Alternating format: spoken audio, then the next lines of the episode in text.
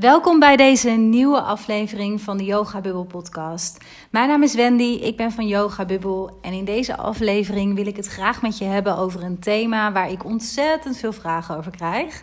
Um, en dat is over bindingsangst. Um, ik heb al een eerdere aflevering opgenomen waarin ik um, wat meer generiek dingen heb gedeeld over bindingsangst en verlatingsangst samen. Omdat dat uiteindelijk, wat mij betreft, dezelfde medaille is, alleen twee verschillende kanten. Dus als je daarin geïnteresseerd bent en je vraagt je in eerste instantie ook bij jezelf misschien af: hè, van wat heb ik misschien zelf of wat zie ik in mijn eigen relatie gebeuren, dan raad ik je aan om uh, eventjes terug te gaan en te kijken naar die aflevering, om die even op te zoeken en te luisteren. Want in deze uh, podcastaflevering wil ik echt even specifiek inzoomen uh, op bindingsangst. En ik ga later denk ik ook nog een podcast opnemen, helemaal specifiek over verlatingsangst. Omdat ja, het zijn gewoon, het is gewoon dezelfde medaille nogmaals. Wat mij betreft twee verschillende zijdes. Maar ze zitten wel heel anders in elkaar. En ze komen ook vaak vanuit een andere plek. Um, en ze uiten zich zeker ook op een andere manier. Uh, maar omdat ik zelf persoonlijk in mijn eigen leven heel veel te maken heb gehad met bindingsangst, en dan heb ik het even over wat, wat ik vertoonde, zeg maar, um, is dit een onderwerp wat ik, ja, wat ik gewoon vanuit ervaring heel goed begrijp. Wat ik ook heel erg veel voorbij zie komen bij de dames waar ik mee werk in mijn één op één trajecten. Die hebben eigenlijk ook zonder uitzondering een bepaalde mate van bindingsangst. En soms beweegt dat ook wel weer eventjes naar verlatingsangst. Hè? Want dat is soms ook iets wat. Ja, je bent niet het een of het ander per se. Hè? Je kan ook binnen een relatie beide gedragingen soms laten zien. En je ziet ook heel vaak dat je bijvoorbeeld in de ene relatie heel erg het een laat zien. En in de andere relatie weer veel meer het ander.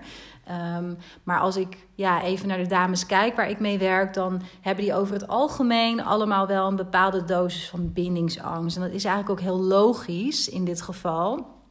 Want ja, de vrouwen waar ik mee werk, dat zijn over het algemeen ook vrouwen die een soortgelijk levensverhaal kennen als, als ik heb gekend. Uh, en natuurlijk heeft iedereen een ander karakter, heeft andere dingen meegemaakt. Maar dezelfde patronen, dezelfde uitdagingen en dezelfde ja, overtuigingen en issues, die, um, die zie ik wel bij deze vrouwen terug. Dus um, ik trek eigenlijk allemaal Wendy's aan in die zin. En dat vind ik ook te gek, want van daaruit kan ik me ook heel erg verbinden met, ja, met deze vrouwen. Omdat ik dus ook heel erg goed begrijp vanuit mijn eigen ervaring hoe die, ja, die dynamiek in relaties en dergelijke, hoe dat in elkaar steekt. Goed, bindingsangst. Want um, ik wil hem eigenlijk vooral heel erg praktisch gaan insteken, deze aflevering. Omdat bindingsangst, ja, dat, dat is voor heel veel mensen een soort van heel abstract gegeven. Dan wel dat heel veel mensen denken dat bindingsangst iets is dat je bijvoorbeeld niet wil samenwonen. Dat je niet je echt wilt verbinden, um, ook aan de buitenkant, met die ander. Dus je wil bijvoorbeeld echt nooit trouwen. Um, nou, wat ik zei, niet samenwonen. Je wil zeg maar je relatie als het ware niet bezegelen in zekere zin. Omdat je een soort van nog lekker erop uit wil kunnen gaan. Of hè, je hoort ook wel vaak zeggen dat ja, mensen met bindingsangst... die kunnen heel gemakkelijk vreemd gaan. Nou ja, zulke dingen. Nou, en, en los van dat daar ook waarheid in zit, uh, denk ik... Um, vind ik dit wel een voorbeeld van wat meer extreme bindingsangst... die zich heel erg aan de oppervlakte ook laat zien... Um, en waar ik het nu vooral over wil gaan hebben, is juist de wat diepere laag van bindingsangst. Die veel meer gaat over wat er in jou speelt en wat jij probeert te beschermen in jezelf. Dan dat het gaat over um, ja, dat je bijvoorbeeld niet wil samenwonen, niet wil trouwen, geen kinderen wil krijgen, et cetera. Omdat je je niet wil vastleggen. Want als ik bijvoorbeeld naar mezelf kijk, hè, laat ik het meteen ook even op mezelf uh, betrekken. Uh, want ik denk dat het daarmee heel praktisch ook wordt voor je. Als ik naar mezelf kijk, dan was ik zeker niet iemand die de relatie niet wou um, nou, bezegelen. Ik ben altijd iemand geweest die heel zelfstandig is en graag ook haar eigen dingen doet. Ik hou er bijvoorbeeld van om in mijn eentje op vakantie te gaan. Um, ik hou ervan om mijn eigen vriendinnen te hebben. Dus ik ben best wel een heel erg um, zelfstandige vrouw. Ook in een relatie ben ik dat altijd geweest. Um, maar ik ben ook altijd wel echt iemand geweest, dat hoort gewoon bij mij, dat ik graag samen ben met die ander. Dat ik ook graag, ja, gewoon samen dingen onderneem en uh, nou, samen ga reizen. Bijvoorbeeld, of zoals wat ik nu met Maurice ook heb. Hè. We zijn nu begonnen aan, een, uh, uh, aan Spaans leren. Um, gewoon dingen samen doen. Gewoon nieuwe dingen ontdekken, elkaar verder ontdekken. Gewoon lekker samen zijn in die zin. Dus ik ben ook echt iemand die een relatie heel graag bezegelt in die zin. En graag samen is, samen leeft ook met een ander. Dus in die zin um, had ik zeker vroeger ook nooit kunnen bedenken dat ik enorm aan bindingsangst leed. Want dat was wel degelijk zo. Nou, waar had dat bij mij mee te maken? Waarin kwam dat bijvoorbeeld tot uiting? Nou, het eerste wat er bij mij sowieso aan de hand was, was dat als ik een relatie had, ik heb niet heel veel relaties gehad, maar wel een aantal. Um, dan was ik altijd degene die de relatie beëindigde. Ik ben nooit verlaten. Ik heb altijd de ander verlaten. En dat is iets wat je heel vaak ziet bij mensen met bindingsangst. Omdat je in de diepte eigenlijk helemaal niet met die ander verbindt. En dan maak ik even veel zwart-wit, hè, maar dat is even voor het begrip. Als je bindingsangst hebt, dan vind je het ontzettend eng om je hart open te stellen, om te verbinden vanuit emotioneel niveau met die ander. Dat zegt helemaal niets over dat je niet heel veel van die ander houdt of dat je niet in beginsel super verliefd op iemand wordt. Um, dat is een totaal ander iets. Het gaat erom dat jij het heel moeilijk vindt als je bindingsangst hebt om in je kwetsbaarheid te staan. Om echt, zeg maar, inderdaad met open hart die ander tegemoet te treden. Om echt ook te delen over gevoelens die je hebt, over dingen die in jou bewegen. Uh, dingen die je ook spannend vindt misschien om te delen. Uh, het maakt niet zo heel veel uit als het maar... Ja, het gaat zeg maar echt om dat dingen voor jou spannend voelen en kwetsbaar voelen. En dat je dat eigenlijk met die ander niet helemaal aandurft. Omdat je gewoon bang bent om geraakt te worden, om afgewezen te worden in essentie. Hè? Want dat is uiteindelijk wat daar natuurlijk onder zit. Nou, als ik dan naar mezelf uh, weer kijk, dan um, ja, verbond ik nooit met de vriendjes en ook niet met de man die ik uiteindelijk uh, heb getrouwd. Daar verbond ik nooit helemaal mee. Omdat ik heel veel stukken van mezelf achterhield. Um, ik deelde niet over mijn uh, sensitiviteit bijvoorbeeld, over dingen die ik voelde, die ik zag.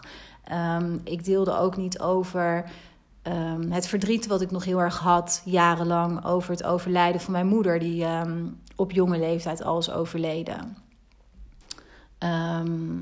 ja, ik deelde eigenlijk heel veel dingen die er voor mij echt toe deden op gevoelsniveau. Die deelde ik niet met de jongens, de mannen waar ik mee ben geweest. Omdat ik namelijk instinctief aanvoelde dat daar helemaal geen plek voor was in die relatie. En dat had eigenlijk weer niet eens zoveel te maken met de mannen in kwestie. Natuurlijk wel, want dat waren ook mannen met wie ik dat soort onderwerpen niet goed kon bespreken.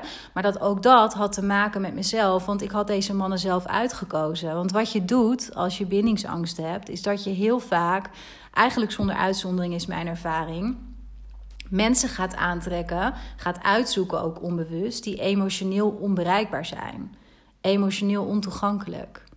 Dus die zelf bijvoorbeeld ja, ook gewoon niet hebben geleerd om um, met een open hart een ander tegemoet te treden of over dingen te praten of uh, gevoelens op tafel te leggen. Hè? Dus echt zeg maar het te verbinden op een dieper niveau. Dat hebben zij ook niet geleerd, omdat ze dat gewoon ja, nooit van huis uit hebben meegekregen of traumatische ervaringen hebben gehad of zelf bijvoorbeeld heel erg gekwetst zijn, waardoor zij ook op slot zijn gegaan. Als ik dan naar mijn relaties kijk die ik hiervoor heb gehad voor Maurice, um, ja, dan waren dat zonder uitzondering verschillende relaties, maar wat ze allemaal met elkaar gemeen hadden was dat dit mannen waren die emotioneel voor mij ontoegankelijk waren, niet bereikbaar waren. En dat maakt het voor mij heel gemakkelijk om dus ook niet te verbinden, want die ander die zat daar ook niet op te wachten. Die kon dat niet vanuit eigen achtergrond. Dus dat was mooi makkelijk voor mij. Snap je hoe dat werkt, wat ik hiermee bedoel? Want het is natuurlijk niet iets wat je van tevoren zo uitzoekt of wat je expres doet. Want ik heb uiteraard nooit nagedacht: oh, ik ga eens even op zoek naar een eh, partner die emotioneel niet toegankelijk is voor mij. Zo werkt het natuurlijk niet. Dat is gewoon iets wat je onbewust doet.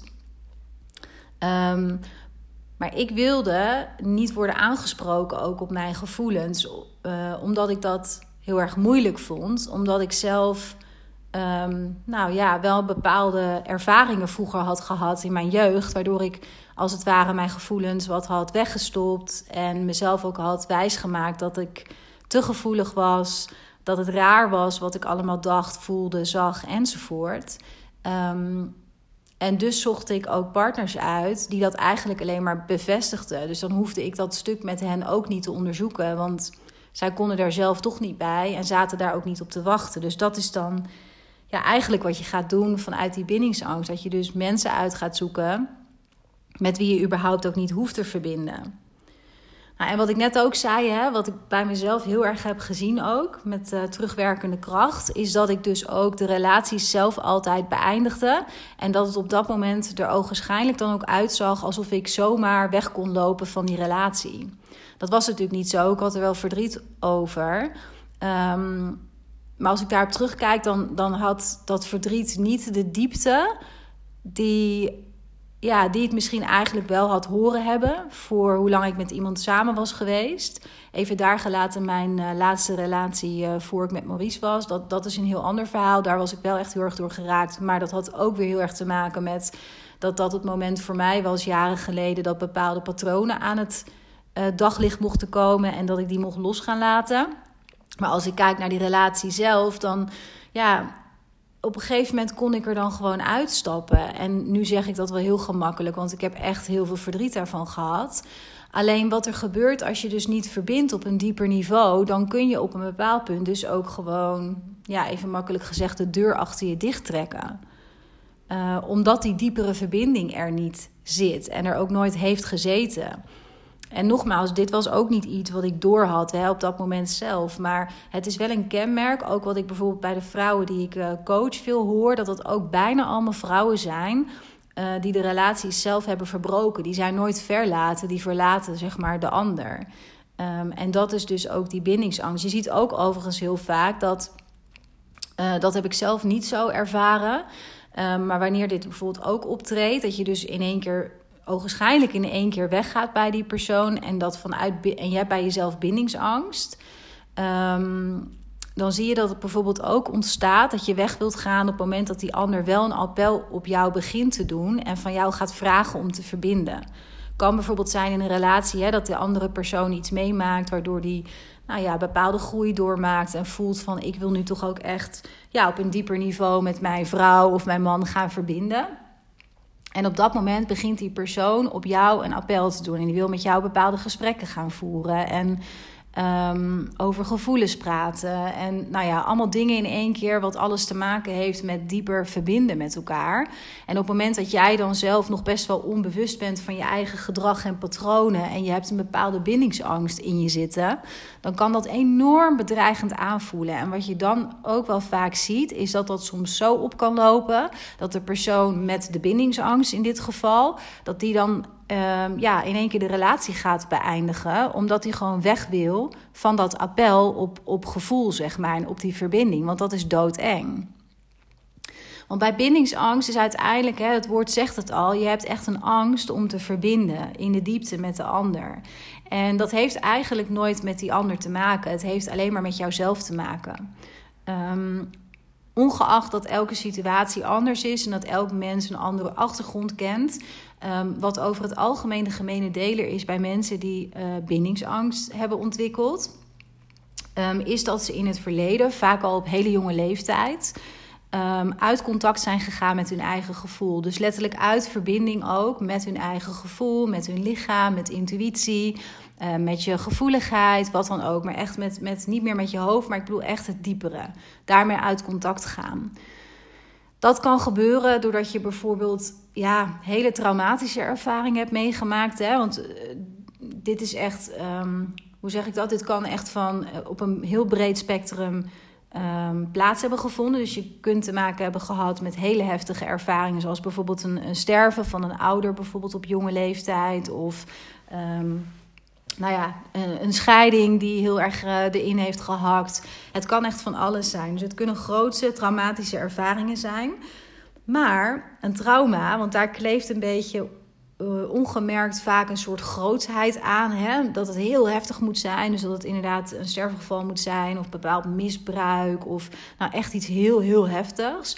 Maar trauma um, kan ook iets ogenschijnlijk kleins zijn, wat bij jou van binnen wel een hele heftige reactie tot gevolg heeft gehad. Dus het kan ook zijn um, nou, dat er iets ogenschijnlijk kleins is gebeurd. Misschien ehm, ben je een keertje gepest op school, één keertje. Of er is iets anders gebeurd wat ogenschijnlijk op zichzelf uh, een wat kleiner voorval is. Maar waardoor jij wel um, bent begonnen met uit verbinding gaan met jezelf. Dus dat vind ik wel ook belangrijk om te benoemen. Dat het niet per se zo hoeft te zijn dat jij een enorm groot trauma met je meedraagt. Um, daarnaast is het zo, wat denk ik het meeste by far voorkomt, los even van de grootte van een trauma, uh, is dat ik echt heel erg zie, en die ervaring heb ik dus ook zelf, en bij mij is dit ook de oorzaak geweest van mijn bindingsangst, um, is dat heel, heel veel vrouwen op zijn gegroeid in een emotioneel onvolwassen omgeving.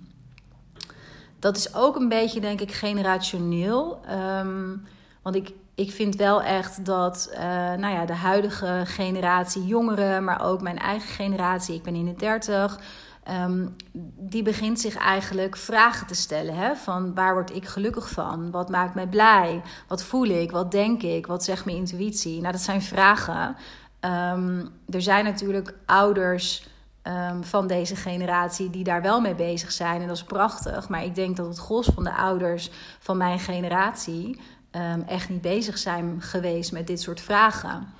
Um, mijn ouders ook niet. Er moest gewoon gewerkt worden en um, brood op de plank. En we genieten wel twee keer per jaar op vakantie. En dat is ook heel goed, maar dat moet je wel verdienen. Een beetje dat soort overtuigingen, die zaten wel, zitten denk ik wel heel erg generationeel in ja, de ouders van, van mijn generatie. Omdat die ook weer uh, het voortvloeisel zijn uit mensen die uit de oorlogstijd vaak komen. Hè? Zoals mijn opa en oma ook. Die, um, nou, die zijn net op het randje van de oorlog zeg maar, ge geboren. En dat is natuurlijk een heel andere setting en heel andere dingen die toen speelden... dan dat wij vandaag de luxe hebben om onszelf te bevragen... waar word ik blij van? Dus even terug naar die emotionele onvolwassenheid. Dat is dus niet per se, nou niet, niet eens niet per se. Het is niet goed of fout dat je in een emotioneel onvolwassen omgeving bent opgegroeid. En het is al helemaal geen, um, hoe zeg ik dat? Um, negatief iets naar je ouders toe als je tot die conclusie komt. Want het is gewoon een gegeven. Het is gewoon zo dat de generatie uh, van mijn ouders um, zelf ook niet ja, hoe noem je dat, geëquipeerd waren om met emoties om te gaan of gevoelens op tafel te leggen of daar met elkaar over te spreken of uh, ook te kunnen zeggen, ja, elk mens is verschillend, we hoeven niet allemaal hetzelfde te zijn. Wat voel jij hierbij? Ik noem nu maar wat, hè. Wat voor mij bijvoorbeeld nu zo normaal is. Um, ik ben ook om andere redenen persoonlijk opgegroeid in een emotioneel onvolwassen omgeving, want er speelde veel meer mee. Uh, maar dit is in elk geval wel een rode draad die ik heel erg zie bij de vrouwen ja, die ik ook coach op het vlak van relaties, toxische relaties, narcistische relaties.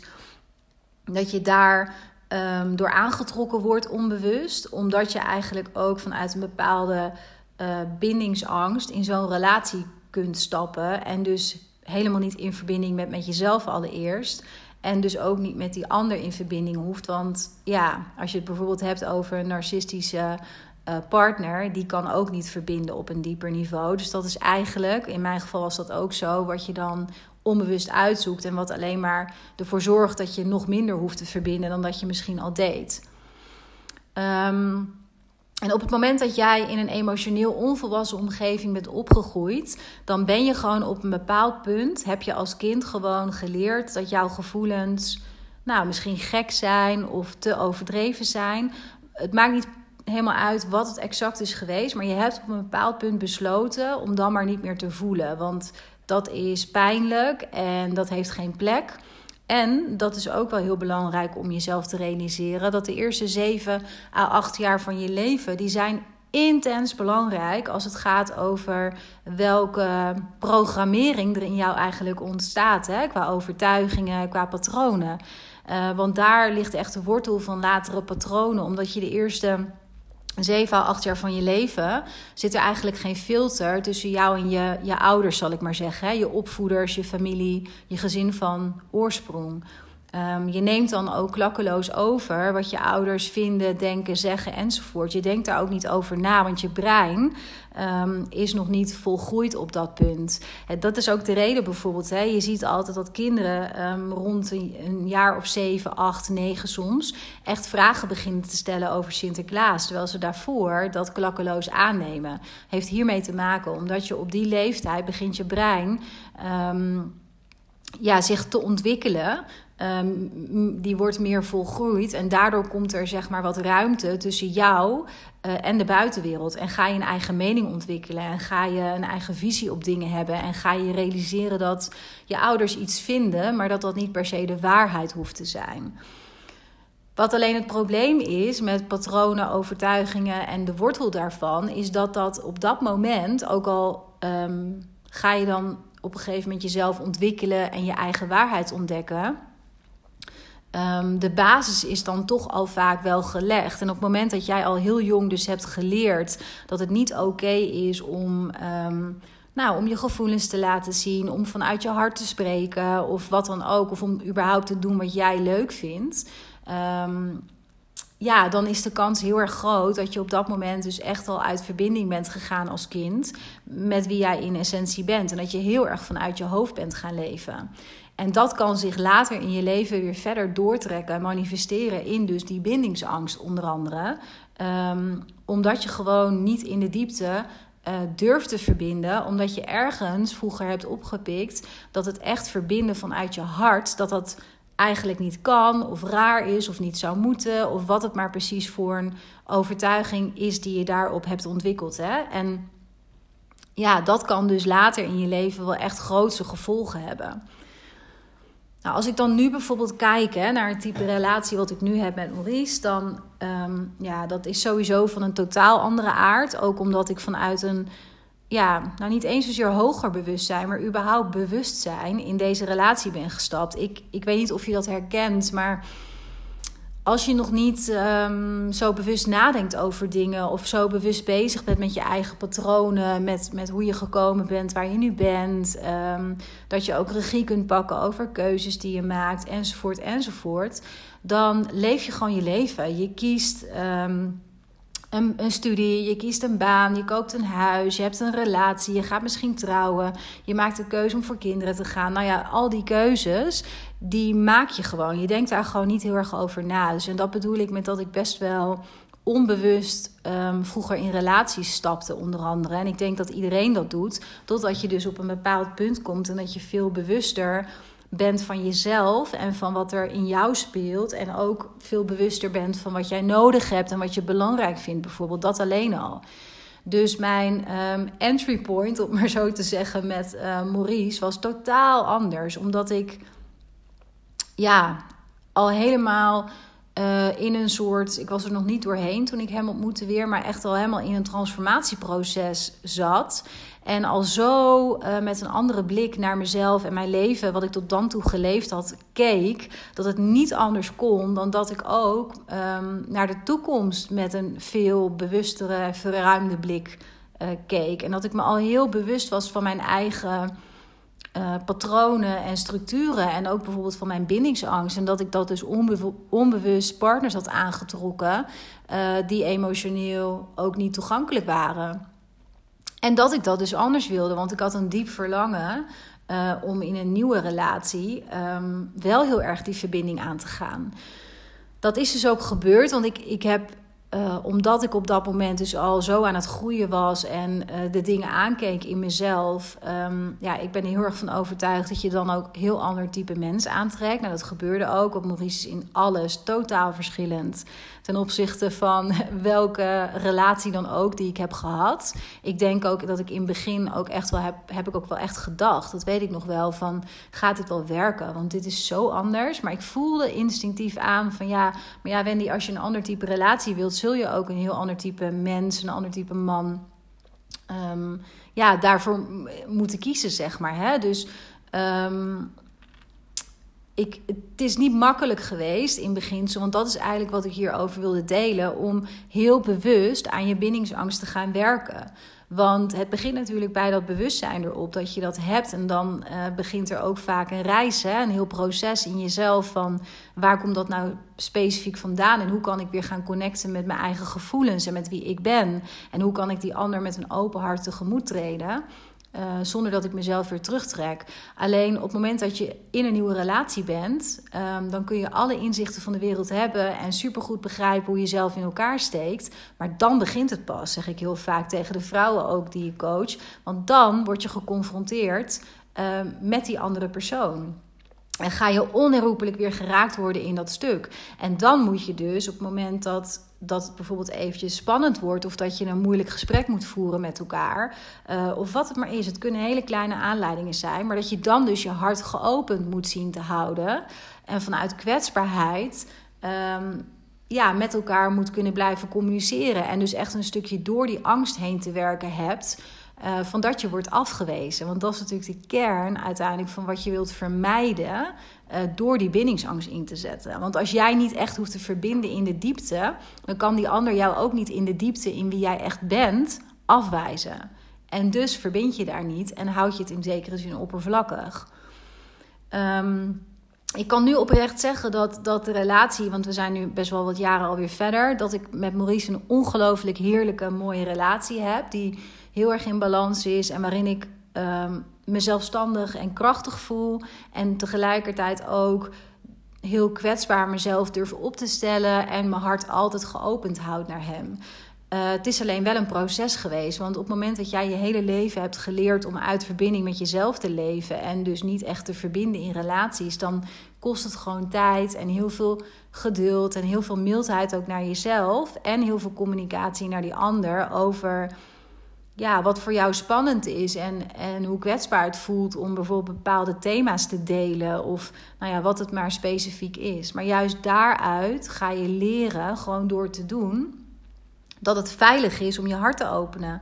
En dat je jezelf kunt dragen, ook al word je afgewezen. Dat dat, al zou dat zo zijn, maar dat, dat jij niet meer het kleine meisje bent. Uh, wat het niet aan kan. En wat in zekere zin afhankelijk is natuurlijk van haar ouders, van haar opvoeders. Je bent nu volwassen, je kunt jezelf dragen. En je mag die ander met een totaal open hart tegemoet treden. Uh, en als die ander datzelfde terug kan doen, dan ontstaat er zoiets supermoois. Dan verbind je op zo'n andere manier dan dat je ja, ooit kunt bedenken als je dat nog nooit hebt gedaan of hebt ervaren. Want ik had ook nooit kunnen bedenken dat een relatie zo intens, op een, op een goede manier bedoel ik dat. Intens en toch heel rustig en heel vredig en heel avontuurlijk toch. En nou ja, gewoon eigenlijk alles kan zijn. Uh, wat je maar, waar je maar van droomt. En dat dat dus ook echt, echt bestaat. Nou, ik hoop dat je uit deze aflevering voor jezelf um, ja, iets hebt kunnen halen op het vlak van bindingsangst. Hè? Dat het bij je, als je ergens bij jezelf of bij je partner vermoedt dat dat bij jou speelt, um, dat je dan nu wat raakvlakken, uh, wat aanknopingspunten uit deze aflevering hebt kunnen halen. Um, waardoor dingen misschien op zijn plek beginnen te vallen. Dat je voor jezelf kunt gaan onderzoeken, hè, als het over jou gaat, echt van oké, het klopt misschien inderdaad wel dat ik zelf ook uit verbinding ben met mijn eigen emoties, met mijn eigen binnenwereld, met mijn intuïtie, met wie ik ben, los van mijn hoofd en los van mijn ratio. Um, en hoe zou ik die reis dan weer terug kunnen maken naar mezelf, naar wie ik inderdaad in de kern ben. En van daaruit die ander langzaam met een open hart tegemoet beginnen te treden. Um, ja, bindingsangst is iets wat als je daar geen bewustzijn op hebt, je onbewust echt enorm, enorm kan leiden zonder dat je dat dus doorhebt. Um, Carl Jung die zei dat ook heel mooi. Ik weet even niet hoe hij het exact zei, maar het komt erop neer dat Carl Jung toen al zei, hè, lang geleden. Um, alles waar je jezelf niet bewust van maakt, dat gaat je onderbewuste in. En je zult dat je lot noemen. Vind ik altijd zo mooi hoe hij dat beschrijft, want zo is het echt. Een soort van, ja, als je leeft eh, zonder bewustzijn en zonder dat je, nou ja, bewustzijn dus hebt op bijvoorbeeld in dit geval jouw bindingsangst en waar dat vandaan komt en, en wat jij daar zelf aan kunt doen en het werk wat je in jezelf te doen hebt om uiteindelijk ook ja, misschien een andere partner aan te kunnen trekken, dan wel in je huidige relatie echt dingen te kunnen gaan veranderen. Ehm, dan zal het je in je onderbewuste echt gaan leiden. En zul je nog minder verbinding met die ander gaan ervaren. Dan zul je weer een partner aantrekken uh, met wie je een bepaalde dynamiek krijgt. Misschien narcistisch, misschien op een ander vlak toxisch. Of gewoon best wel een oké relatie, maar heel vlak. Um, omdat je namelijk niet uh, je onderbewuste in het licht hebt gezet. En dan zul je misschien dingen gaan roepen als: Oh, ik trek altijd de verkeerde mannen aan. Uh, ik kan ook nooit ergens met hem over praten. Zulke dingen ga je dan roepen. En dat is dat lot waar Karel Jong het over heeft. Maar het is niet je lot. Het is in je onderbewuste. En jij kunt dat beetpakken. Je kan het in het licht gaan zetten. En ik hoop dat deze aflevering je heeft um, geprikkeld en heeft geïnspireerd om dat voor jezelf te onderzoeken. Um, en gewoon voor jezelf eens, dat hoef je met niemand te delen, maar ga voor jezelf eens opschrijven van oké, naar aanleiding van wat ik nu heb gehoord uh, in deze aflevering, wat is het precies waardoor ik uit verbinding kan zijn gegaan met mezelf? Voelt dat voor mij kloppen? Dat ik inderdaad vooral vanuit mijn hoofd leef? En um, kan het zo zijn dat ik op een bepaalde manier in een emotioneel onvolwassen omgeving ben opgegroeid, waardoor ik um, überhaupt heb, niet heb geleerd om het te verbinden op een dieper niveau. En hoe zit dat bij mijn partner? Zou dat misschien wel kunnen met deze partner als ik daarover ga praten, als ik ga delen? Maar doe het eerst eens deze oefening voor jezelf. Probeer voor jezelf eens te onderzoeken van wat is het precies wat er in mijn onderbewuste zit, wat mij misschien ja, houdt of leidt in die bindingsangst. Nou, mocht je nou behoefte voelen om echt veel dieper op deze materie in te gaan en echt ook naar jouw specifieke situatie te kijken, uh, mocht je al, misschien hier al langer mee bezig zijn en niet zo goed weten hoe je hieruit moet komen en hoe je het echt kunt veranderen, dan kun je me natuurlijk altijd even een berichtje sturen op wendy.yogabubbel.nl. Um, ehm, want ik denk altijd heel graag met je mee. Um, en mocht je denken van nou, hè, ik zou er echt wel concreet en praktisch mee aan de slag willen om dit in het licht te zetten, het uiteindelijk ook los te gaan laten en echt mooie, gezonde, voedende relaties aan te trekken, zoals we allemaal verdienen. Um, dan kun je ook bij mij een gratis kennismakingsgesprek inplannen. Dan mag je me ook gewoon even over mailen. Um, dan gaan we even met elkaar bellen via een Zoom-videogesprek. Dan kan ik je even zien, hoor ik heel graag je verhaal. En dan kan ik op basis daarvan um, ja, aangeven of ik denk dat ik je daarmee kan helpen. En als dat zo is, dan vertel ik je ook met liefde iets meer over mijn één op één traject uh, van vier maanden, waarin ik uh, onder andere op dit soort thema's met vrouwen werk, omdat echt um, helemaal in het licht te gaan zetten. Hè? Wat het precies is, wat maakt dat jij niet kunt verbinden, of het lastig vindt om te verbinden, of een bepaald type partner steeds opnieuw lijkt aan te trekken. Dat gaan we met elkaar in het licht zetten en van daaruit ook los leren laten. We gaan, ik ga je helpen met er gezonde nieuwe patronen voor in de plek te creëren en uiteindelijk ook um, met als doel dat jij gewoon gezondere, ja, wat ik net zei, meer voedende relaties kunt gaan aantrekken. Nou, dankjewel weer voor het luisteren. Um, ik wens je een hele fijne dag toe. Uh, en wie weet spreken we elkaar later.